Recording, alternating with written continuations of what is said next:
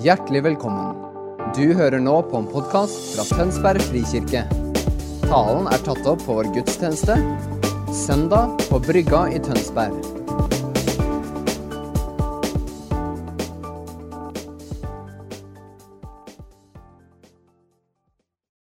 Hallo, jeg heter Camilla, og jeg gleder meg til å tale i dag. Jeg har vært litt sånn spent, kjent at Gud har lagt noe på hjertet mitt som jeg skal dele, og kjenne på forventning til det Gud skal gjøre. Og Samtidig så blir det sånn herlig ærlig prat i dag. Sånn, Talen er egentlig bare heter herlig ærlig. Så jeg har Kleenexen klar. Det er jo, de staben ler litt av, litt av meg, for jeg sitter ofte og forbereder taler og begynner ofte å grine. Så er det sånn Røde øyne, ja. ja. Det er taleforberedelse nå, ja. Så bare gjør dere klare. Vi skal snakke om fellesskap. Vi skal snakke om livet sammen, og temaet er 'La oss oppleve livet sammen'. Vi følger Denne høsten så følger vi tale, taleserien handler om Rick Warren sin bok 'Måler et liv'. og I dag er vi på en måte oppleve livet sammen. Hvordan ser det ut å leve autentiske liv? Og jeg skal dele litt av mine tanker rundt dette temaet. Hva tenker du når du hører ordet fellesskap? Tenker du at det er pizzakveld med de folka du liker best å henge med, eller tenker du at det er at du går på kino, eller tenker du at det er kaffe med folk, eller Man kan legge forskjellige ord i fellesskap. Eller tenker du kanskje at det er den årlige ferieturen med gode venner. Men Bibelen, når vi snakker om fellesskap, så er det enda dypere enn det. Det er enda dypere enn det bare det sosiale, det gøye, det koselige. Men det handler om La oss gå dypt sammen. hva ser det ut som? Og det gleder jeg meg til å snakke om. I Bibelen så ser vi ofte at Jesus han er hjemme hos folk.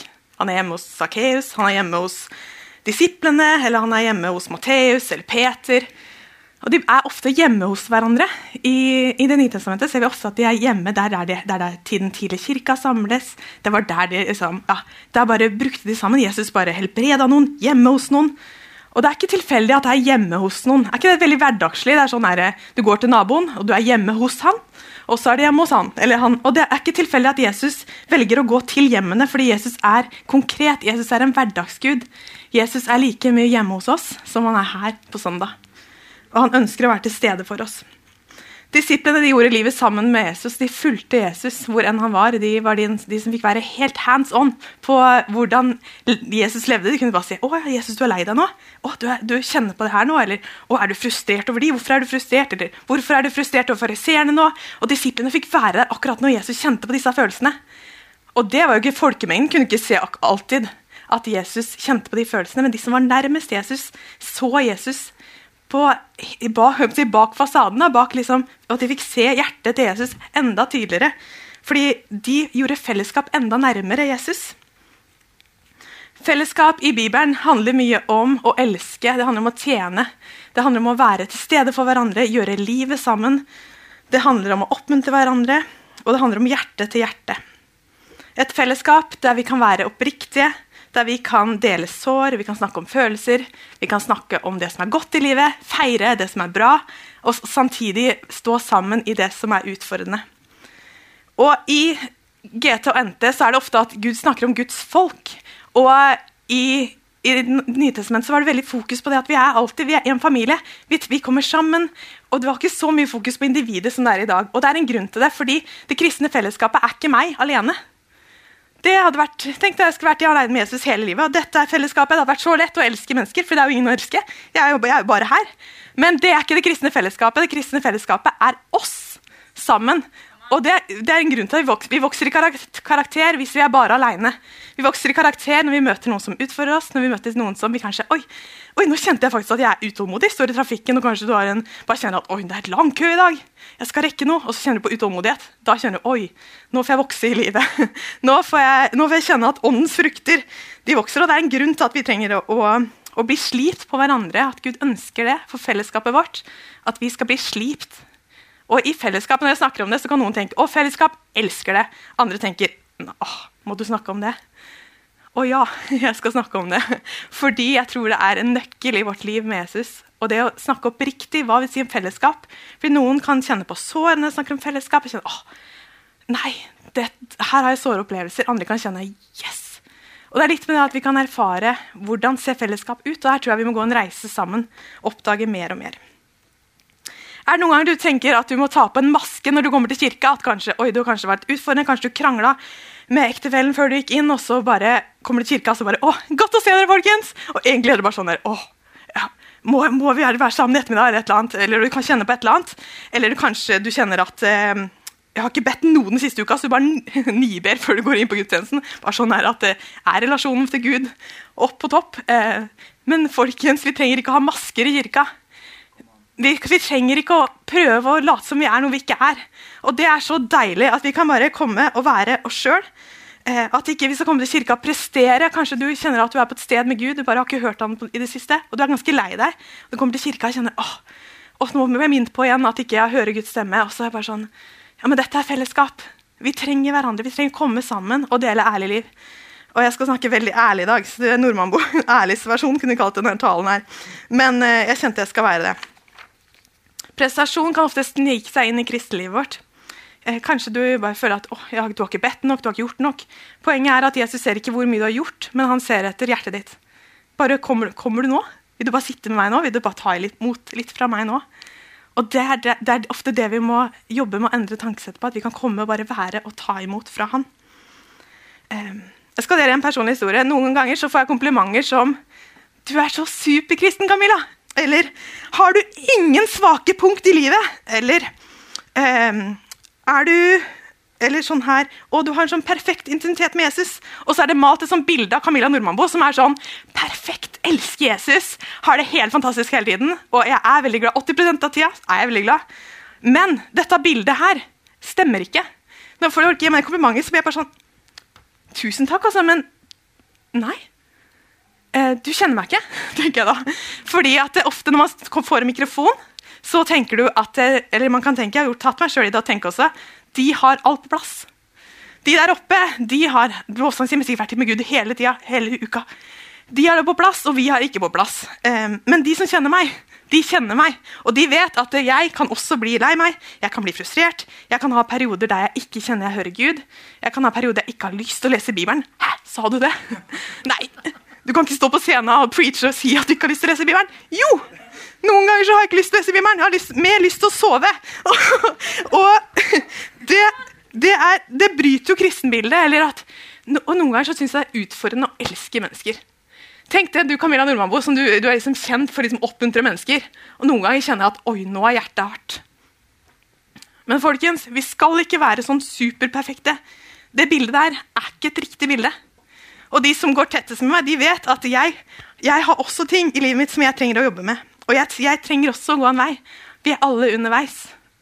Det er det som er så deilig, at vi trenger ikke å stå her og si Jeg er veldig takknemlig for og jeg elsker Jesus, og han, han kommer alltid til å snakke masse om. Men jeg er, også, jeg er Camilla, som kan også være svak, som kan også bli lei meg, som kan også kjenne at jeg blir frustrert. Jeg kan ikke ta alle de følelsene, men som er et helt menneske. Jeg går også sakte, men sikkert og lærer meg hvordan det ser ut å leve med Jesus. Jeg kan også såre folk. Jeg er ikke perfekt. Åh, er ikke det deilig å høre? ja, jeg, jeg syns det er deilig å ikke være perfekt. hvert fall. Eh, men ofte så tror jeg at vi trenger å jobbe med dette bildet, fordi det blir malt et bilde der ute som ikke er sant. Og Jeg har gått mange prosesser med Gud i dette her. Og det å leve ærlig liv, hvordan ser det ut å velge noen du kan tettes med? Fordi Det hadde ikke vært riktig hvis jeg skulle spydd sårbarhet utover dere. Sånn der, 'Dette er alt som skjer i livet mitt.' Vær sånn, da. Nei, men det er de små, de få relasjonene noen i livet som vi kan velge å si vet du hva, du ønsker jeg å være sårbar med. Du ønsker jeg å dele disse sidene med.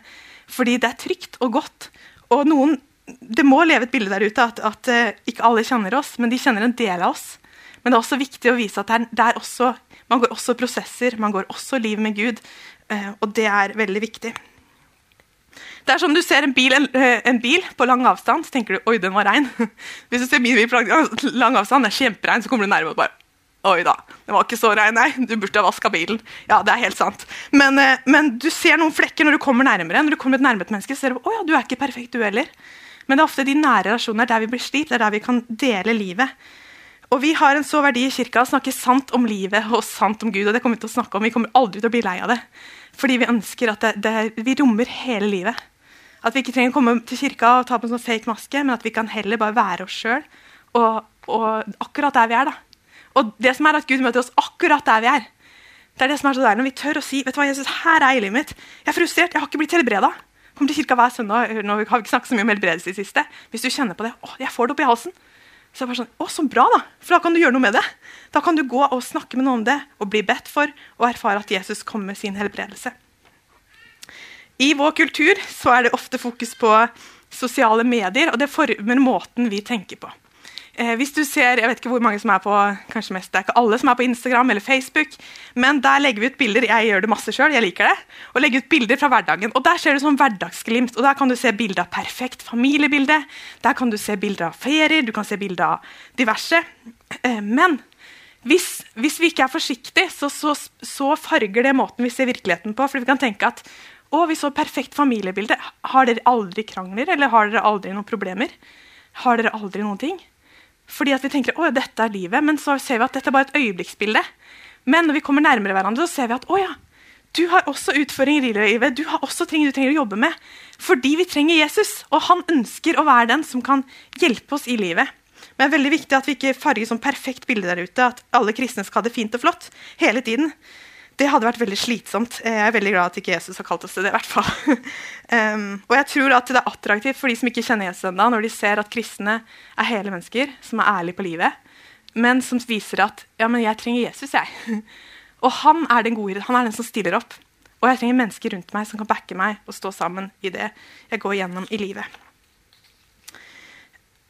Vi alle har gode dager. Vi, har, vi alle har dager som er utfordrende.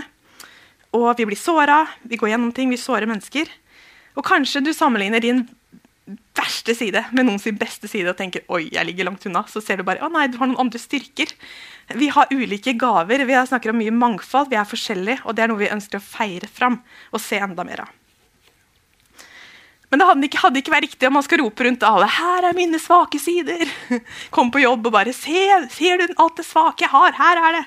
Eh, det hadde ikke vært sunt. Og du har kanskje erfart at noen har delt noen ganger sånn litt for sårbare ting i noen settinger. Så 'Dette passer ikke her.' For det passer i en mindre setting. Og det er der det sårbare hører til, i de nære settingene med få mennesker som man kan gå tettest med. For det er ofte der man, eh, man kan være sårbar og ærlig på livet. Jeg skal dele litt om relasjonssirkler. Man har, dette kortversjonen, vi har eh, tre, liksom, Man kan ha tre nære eller noen få nære som du gjør livet med. som er sånn, disse kjenner alt om deg. Og så kan du ha tolv. Jesus hadde tolv disipler, så hadde han noen få som han gikk tett med.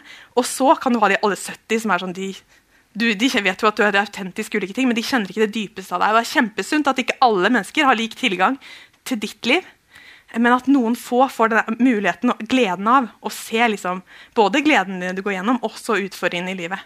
Vi trenger ulike relasjoner i livet vårt. Alle skal ikke vite hvordan du har det til enhver tid. Det hadde ikke godt, vært godt for oss å dele til alle og være sårbare med alle. og Det er utrolig viktig at vi hjelper hverandre til å vi, fortelle oss oi, dette var litt for sårbart i en stor setting. Og når vi starter Huskirken nå, det, det, vi gleder oss veldig til, er det å kunne gå sammen og dele autentiske liv. Men vi trenger ikke å dele aller innerste, som er sånn som noen få kan høre. Men vi kan dele autentisk, og det tror jeg er en virkelig gave. og en vei vi kan gå sammen. Fordi de nære relasjonene det tar tid å bygge. Og det er noen du merker at å, disse har jeg tillit til, disse vil jeg dele noe med. Og da er det noe man kan gå eh, ja, bygge de, relasjonene stødige og solide. og eh, jeg skal snakke litt om nære relasjoner. I eh, livet så tror jeg der jeg har lært mest om Gud, eh, der jeg har hatt mest utford utfordringer og ulike ting, er i relasjoner. Det er i relasjoner som ofte Gud møter meg mest, eller at han viser hvem han er gjennom. fordi at eh, det er ofte der man erfarer mest utfordringer. Eh, snakker du med noen som eh, i livet eller i sjelesorgsamtaler, eller et eller annet, så er det ofte relasjoner man kan peke på. Enten noen du har såra, eller noen du har blitt såra. Eller en relasjon som er vanskelig. Og vi mennesker er enkle. Vi, alle vil jo bli elska til enhver tid. egentlig. Men så har vi noe som heter mennesker, og vi mennesker er ikke perfekte. Men det, det er det som er så fint, for i relasjoner så kan vi stadig lære enda mer om hvem Jesus er. Det er i relasjoner som jeg har erfart at Gud helbreder kristne venner som har møtt meg med så mye kjærlighet at jeg blir satt ut. Um, når jeg har hatt utfordringer, så har jeg blitt bedt for.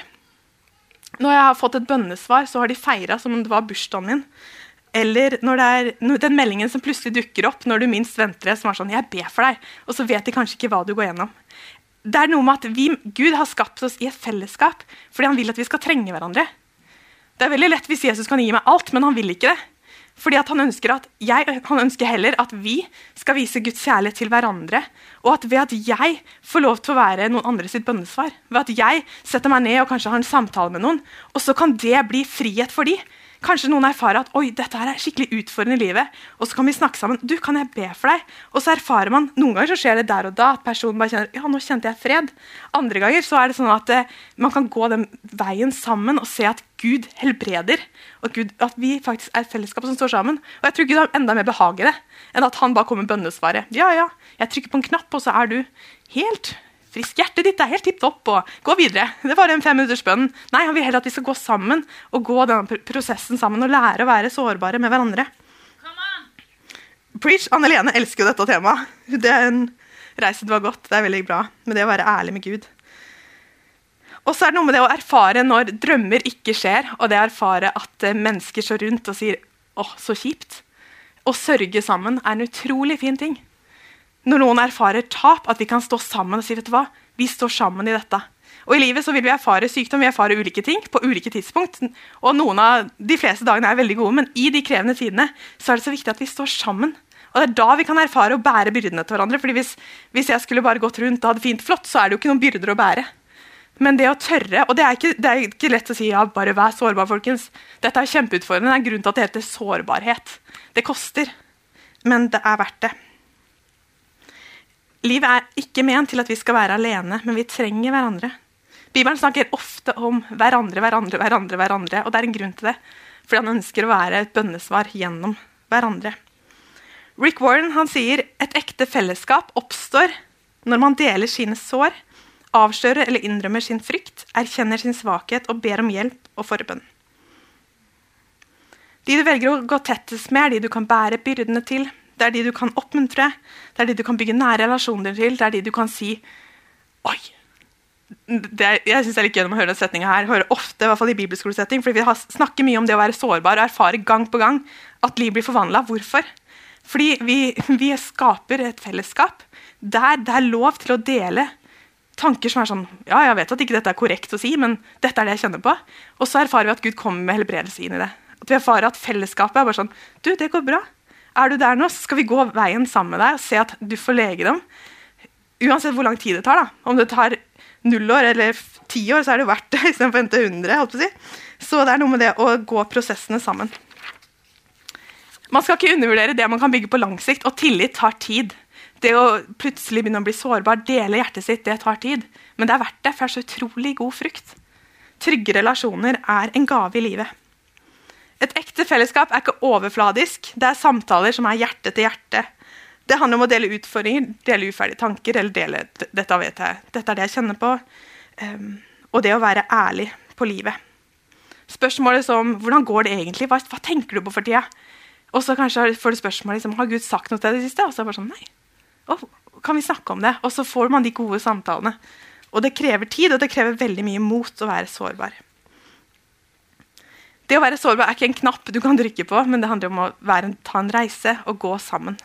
Og Det er virkelig verdi, og jeg tror det er så mye helbredelse i det når man tør å sette ord på ting. Tør å være sårbar. Det er når vi er, tør å være ærlige, at vi vokser. Og det er de små skrittene som handler om sårbarhet. At du tør å ta ett og ett skritt og dele noe fra hjertet ditt. Og det er veldig viktig at man deler i en trygg setting. At det er solide folk. Du, og du kjenner ofte Helligånden er så utrolig god til fred om man skal dele eller ikke. Noen ganger så sier jeg Helligånden nei, ikke del her. da gjør jeg ikke det. Men at man deler der man kjenner at oh, ok, dette, jeg dele, kan jeg være litt sårbar og ekte med deg. Det er en, en gave.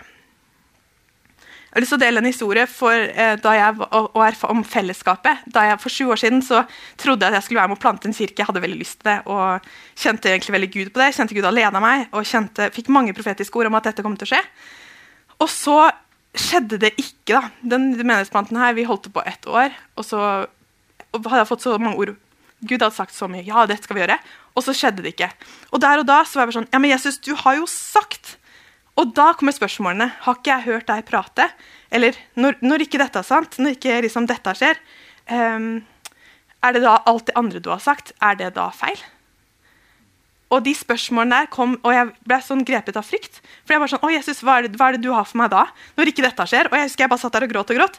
Og jeg bodde jo med kusina mi på den tida der, og hun bare Camilla, går det bra med deg? Aldri sett meg gråte så mye. Men det som var så stilig, var at jeg fikk erfare fellesskap. Plutselig så var det bare ei som kom med gave på døra. fordi hun bare jeg vet ikke hva jeg skal gjøre, Camilla. Jeg bare, her er noen gaver, i hvert fall. Tusen takk. Jeg vet heller ikke hva jeg trenger. Og så fikk jeg erfare at, at eh, mennesker kom rundt meg, ba for meg og sa ok, Camilla, jeg vet at det der skjer ikke, men du skal dit. Jeg bare, ja, men Hvordan kan kan jeg stole på det når, når, jeg har så mange drømmer, profetiske ord og, og, ting jeg skal gå etter, men så skjer ikke dette? Det var dette jeg ville skulle skje. Og så er det ikke alltid vi ser det store bildet. Og da hadde jeg et valg. Skal jeg velge å bli sur på Gud? Jeg var litt sur på Gud.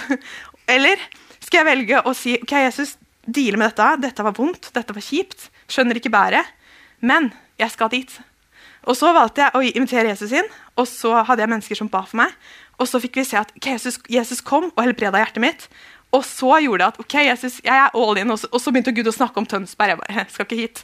Eh, så feil kan jeg ta. men, eh, men, så erfarte jeg at Jesus helbreda hjertet mitt, og at jeg var klar for å gå for det Gud sa. Og da sa jeg til Jesus ok, Jesus, selv om ikke det jeg trodde du sa da, skjedde, skal jeg likevel si at jeg stoler på deg for framtida. Og jeg skal ikke si at jeg, jeg, ikke, jeg føler ikke at jeg hørte deg da. Nå har det skjedd mye i ettertid, og man kan se at nå har den kirkeplantinga skjedd. Og det er veldig kult. Kanskje jeg hadde et annet bilde av når ting skulle skje og at ikke jeg skulle være en del av det, men jeg trodde det. Men allikevel så stopper ikke jeg å si jeg skal høre din stemme, Jesus. Jeg går etter å høre hans stemme, og det er, det er noe jeg kommer til å gjøre hele livet mitt. Men i de erfaringene vi erfarer at det vi hørte, ikke var feil, så gjør det, noe, det gjør vondt. Og, og det må skape prosesser, men da kan man gå til Jesus og erfare helbredelse. Og der, da, I dag så kan kirkeplantinga jeg kunne si ja, ikke noe problem. Det, Gud var der, Gud stilte opp. Det var kjempevondt da.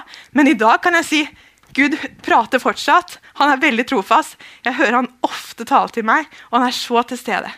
Og han er den gode hyrde. Og jeg kan si det på mine utfordrende dager og på de gode dagene. Fordi han er den han sier han er. Og det krever mot og ydmykhet å være ærlig på livet. Men det er så verdt det.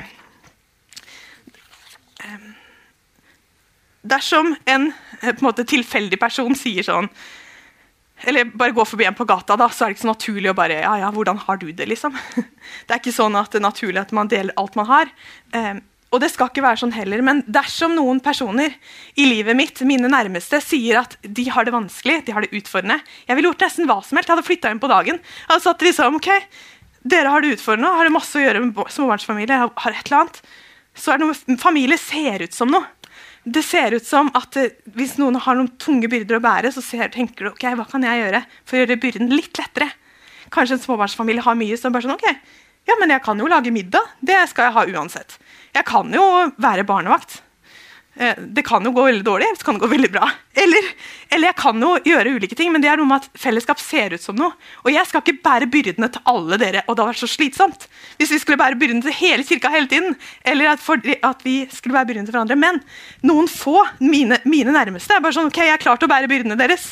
Det er liksom sånn her, Hvis man tuller med én, tuller man med he hele klanen. si. Hvis én går gjennom en tøff periode, så kan man si at vet du hva, vi står sammen og da kan man komme rundt hverandre og be for hverandre. Og det er kirke. Og jeg tror at når jeg snakker om dette her, så er det flere som kjenner at ja, men dette er ikke kirke for meg. Du snakker om noe, så bare sånn, ja, men jeg klarer ikke å connecte helt. Og da tror jeg ofte at, at kanskje du trenger å connecte deg på en huskirke og erfare et fellesskap som er autentisk. erfare et fellesskap som, Dette er jo en ny vei vi går, men det er et fellesskap vi ønsker å gå etter. Autentiske liv med Jesus. Da kan vi erfare at han er den beste. Han er så god, han stiller opp og er til stede. Og så handler det mye om måten man blir møtt på når man er sårbar. Eh, fordi ofte så tror jeg vi har en tendens til å skulle fikse den andre personen. Eller si sånn Hvis en person deler noe, jeg kan ta meg sjøl i det også, så sier sånn Du kan bare gjøre sånn her og sånn her. Og sånn her. og så det de trenger egentlig å høre, er det bare sånn Ikke fiks meg. Det eneste jeg trenger å høre, er at, å lytte, bli lytta til. Og, og, bare, og, bare, erfare at ja, men her, her kan jeg dele hjertet mitt uten at man trenger å fikse noe, komme ideer. Men jeg tror vi skal være veldig gode til å lukke munn når folk deler. Og så bare, det er mye du kunne sagt der og da, men noen ganger så trenger bare folk et blikk. Si 'Å, det var ikke så godt å høre', nei. Eller 'Å, jeg skal be for deg', eller 'Skal vi gå sammen'? Og at vi er flinke til å ikke gi hverandre råd og tips. For det er mange råd og tips her ute, men noen ganger trenger bare folk å bli hørt. Alle mennesker har behov for å bli sett og hørt. Rick Warren sier at sympatien sier 'jeg forstår hva du gjennomgår', og deler eller føler eller verk det som er rett eller galt. Men alle mennesker har behov for å bli sett. Noen ganger er problemet at vi prøver å fikse istedenfor å stoppe opp og lytte til den andre. Å, la, å bygge relasjoner handler om å være svak, og tørre å være svak. Og hvorfor tør man ikke å slippe ned maska? Det kan være maska. det høres jo veldig... Nå har vi jo hatt korona, så vi har gått med masker i lang tid. Så man får nesten ny betydning dette ordet. Men eh, det kan jo være at du kanskje har blitt avvist før, eller du kanskje har vært sårbar, og så har noen bare møtt deg på en måte som ikke var god. Og det fører til at du ikke tør å åpne deg igjen. Eller kanskje du er redd for at noen avviser deg, eller kanskje du er redd for at eh, ja, men hvis jeg sier det, hva, da, hva vil folk tenke om meg da? Men erfaringsmessig så er det gang på gang at folk sier at Nei, har du det også sånn? Har du det også sånn at ikke du kan høre Guds stemme? Eller som regel hvis man snakker med folk om bibellesing, det er, det er nok ofte der folk har høye skuldre. Når du leste Bibelen sist. Eh, skal ikke ta en spørreundersøkelse. Men, men ofte så, ha, så, har vi ulike ting som vi kjenner på litt sånn eh, ja, At det er mer utfordrende enn andre ting. da. Og det er noe med at vi får bort de der tabu-temaene med at vi kan snakke ærlig med hverandre. Jeg er ikke noe mindre glad i deg hvis du ikke har lest Bibelen sist uka. Det er ikke Gud heller. Han bare ønsker å vise oss enda mer av hvem han er, og at vi skal slippe å ha den maska på oss. Gud vet jo det uansett.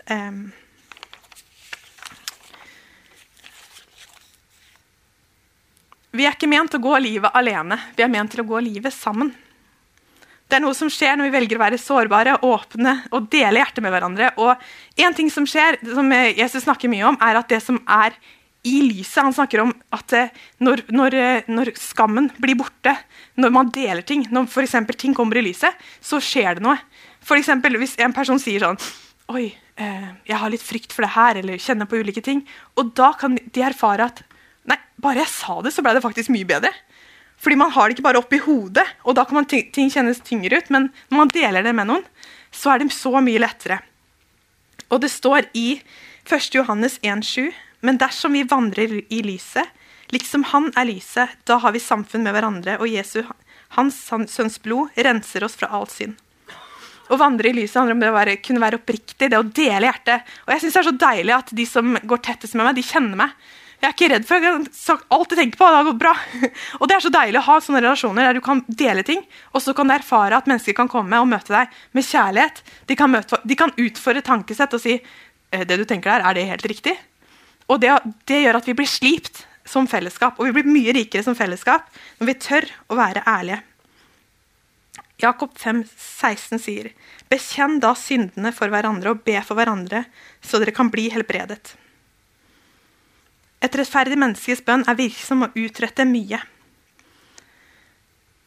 Kanskje du sliter med pornografi, kanskje du sliter med ekteskapet, kanskje du sliter med relasjoner eller leser Bibelen. Kanskje det er ulike ting i livet ditt som du kjenner at å, dette her har jeg ikke snakka med noen om. dette tør jeg ikke å snakke med noen om. Eh, det som er, er at jeg ikke lov til å snakke om det, men, men noen ganger Det som blir i mørket, det blir i mørket. Så, og ting blir større i mørket hvis man ikke dealer med det. Så for eksempel, hvis man, man, Eksempel av pornografi. Hvis man sliter med pornografi, så, så, hjelper det å, å, å, snakke med noen om det. Kanskje gå til samtalesenteret hvis du ikke tør å snakke med noen nærme om det. Gå til samtalesenteret og si vet du hva, det sliter jeg med. Og så kommer de til å si å ja. Og så blir du ikke møtt sånn hæ? Oi, gjør du det? Nei da. Du blir møtt med heller å. Ja, men da skal vi gå en reise sammen. Da skal vi gå en reise sammen og se hva Jesus kan gjøre. Hva, hva, hvordan han kan sette deg fri. Fordi gang på gang har jeg sett mennesker bli satt fri fra pornografi. Det er så kult. Og når vi velger å gå sammen og velger å ikke bli grepet av skam, men velger å, å se at fellesskapet er med og helbreder. Så det er så verdt å gi å snakke sant og dele det som man går gjennom. Og det skaper frihet. Og det når jeg ba for det hva jeg skulle ta i dag, så heter jeg bare frihet. At det er noe som Gud kommer til å sette flere i frihet. Spesielt eh, ting som kanskje Jeg bare så flere hjerter som bare ikke hadde liksom turt å satt ord på ting. Og så bare ser jeg at Gud bare kommer med frihet og at det er et eller annet når vi kjenner ting, sier ting. Kanskje i forbund også, at du skal bare si hva dette kjenner jeg på, og så kan noen be for deg og snakke med deg. Fordi det som er i lyset, det er i lyset, og da kan Gud jobbe med det. Han vet jo alt uansett, det er det som er så deilig med Gud, for han vet jo ting. Men han, han, er avhengig av at vi tør å sette ord på ting, fordi han vil ikke deale med ting som ikke vi har lyst til å deale med. Fordi han er en god pappa som venter. Så noen ganger tenker jeg men jeg har jo slitt med dette i ti år. Ja, kom til Jesus. Tør å sette ord på ting i noen få relasjoner. Eller, eller i, i, forbønn eller kristen setting. Og så kan du erfare at Gud kan helbrede. At han kommer, og, det, og skammen bare blir brytt når vi tør å dele det. Jeg skal gå snart inn for landing. Jeg skal si én ting til. I relasjoner så trenger vi tilgivelse. Fordi vi er ikke perfekte mennesker. Men noen ganger så gjør vi ting. Sårer ting. Ofte de menneskene som kanskje sårer, kan såre mest, er de nære relasjonene. Fordi man, har så mye, um, man er så glad i hverandre at det sårer ofte. Fordi man kan gjøre ulike feil. Og, og, da er det så viktig med tilgivelse. Og det som er så fantastisk med tilgivelse, er at det gjenoppretter standarden. At i til, at tilgivelse så skjer det noe når i relasjoner, hvis man har såret hverandre og sier vet du hva, jeg ble såra her, og snakker om det, så kan vi komme med tilgivelse. Fordi Jesus har den beste gaven til oss, og det er tilgivelse. Det vil si at eh, når jeg har såra noen eh, Bare ha en samtale, og så bare 'Camilla, den settingen her såra meg faktisk.' Oi! Det visste jeg ikke. Og så kan jeg si, 'Du, kan du tilgi meg for det?' Og så kan personen respondere, og så, og så erfarer man at relasjonen blir bare enda nærmere. Fordi jeg turte å ta opp en ting istedenfor å tenke på «Oi, nei, jeg kan ikke si det, eller jeg ble såra i den settinga. Og så er vi forskjellige. Noen av oss er mer sensitive enn andre til at vi blir såra eller ikke. Men det når vi tør å sette ord på ting og si at vet du hva, den settinga der ble jeg såra, eller mente du noe med, det du sa der, at vi tar opp ting, så skaper det enda bedre relasjoner. For det gjør at vi ikke får der, et hardt hjerte, men vi får myke hjerter til hverandre. Matteus 21, 21 så står det Da gikk Peter til ham og spurte. Herre, hvor mange ganger skal min bror kunne synde mot meg, og jeg likevel tilgi han? Så mange som sju? Nei, ikke sju, svarte Jesus. Men jeg sier deg 70 ganger sju. Bill Hybels sier tilgivelse innebærer at vi anerkjenner at vi ikke ble gjort urett, at vi sørger over det som er tapt, og likevel slipper den andre personen av kroken. Vi setter dem fri. Relasjoner er krevende, det er, ikke, det er noe vi kommer til å lære hele livet. Men jeg tror Relasjoner er Guds redskap for at vi får se enda mer av hvem han er. At vi kan erfare hans kjærlighet gjennom hverandre. At vi kan erfare at han kommer med, med helbredelse i hjertene våre fordi vi tør å sette ord på ting i relasjoner. Og Det gjør også at vi kan erfare dobbel glede. Når en person får frihet for noe, så er det bare sånn Yes, dette har vi stått for sammen. Eller kanskje eh, ei venninne som ikke kunne få barn på veldig mange år. Vi hadde stått sammen i dette kjempelenge. Også når hun fikk den ungen. Hver gang jeg ser bilde av de kidsa, så er det sånn Wow! Det er helt rått! Og jeg bare blir sånn, wow, Gud, du er trofast. Og så kan det være vår felles seier. Og det er det som er så kult med når vi tør å være sårbare med hverandre. for at vi går den reisa sammen og si ja, det er vår felles seier med hverandre. Og vi kan stå sammen og si ja, du hadde kanskje en utfordring med det her før, men se hva Jesus har gjort. Så kan vi bli et fellesskap som bare se hva Jesus har gjort. Og han er så god, og han er så trofast. Og da blir det dobbel glede. Vi trenger hverandre. Og i et fellesskap der vi ber for hverandre, heier på hverandre, og der vi tør å være sårbare. Og det har jeg lyst til å utfordre til. I dag er egentlig nære relasjoner. Hvem er det du går tettest med? Har du noen i livet ditt som du kjenner at du kan dele hjertet med? Og dette er ikke noe man skaper sånn quick fix. Men kanskje det er noen du tenker oi, kanskje jeg skulle spurt de om vi skulle bare gått litt tettere sammen.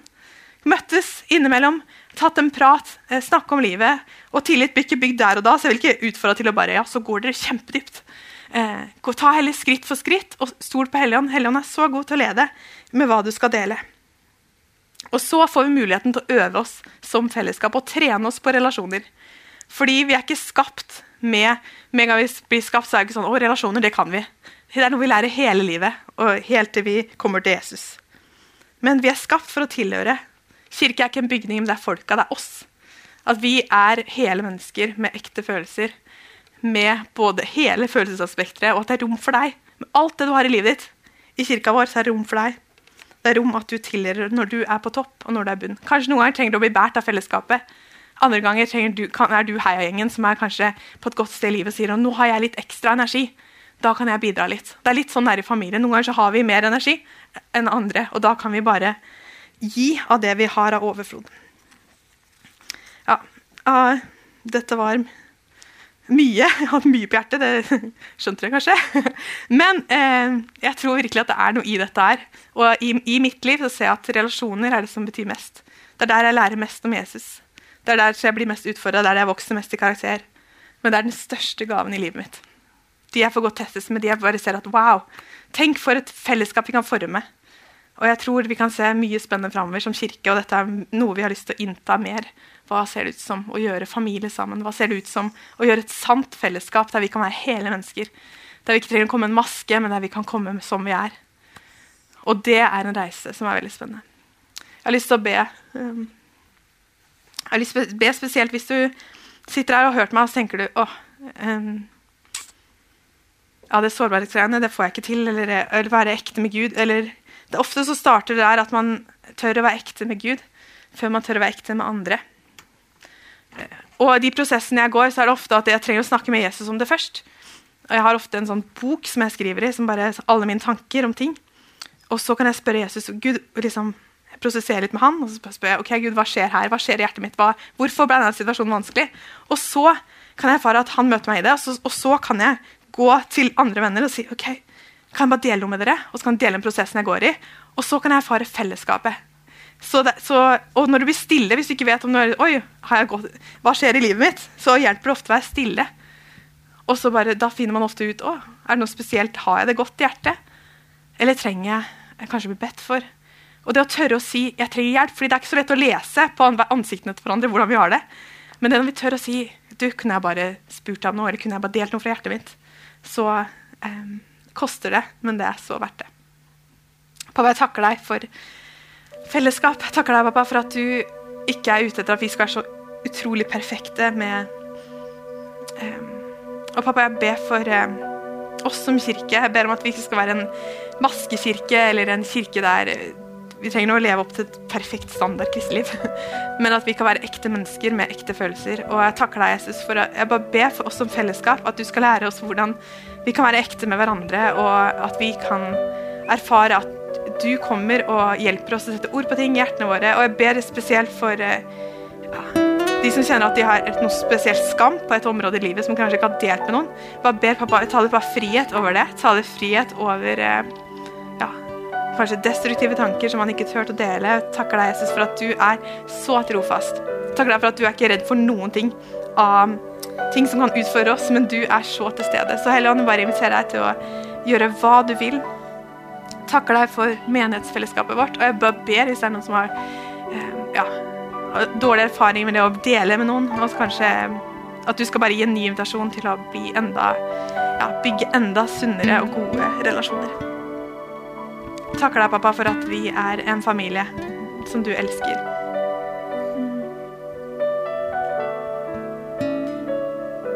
Amen.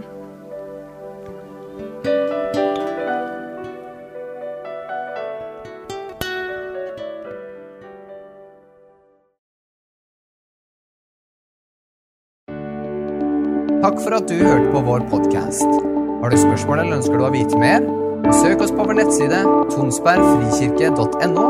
Du er også velkommen til kirke på Brygga i Tønsberg.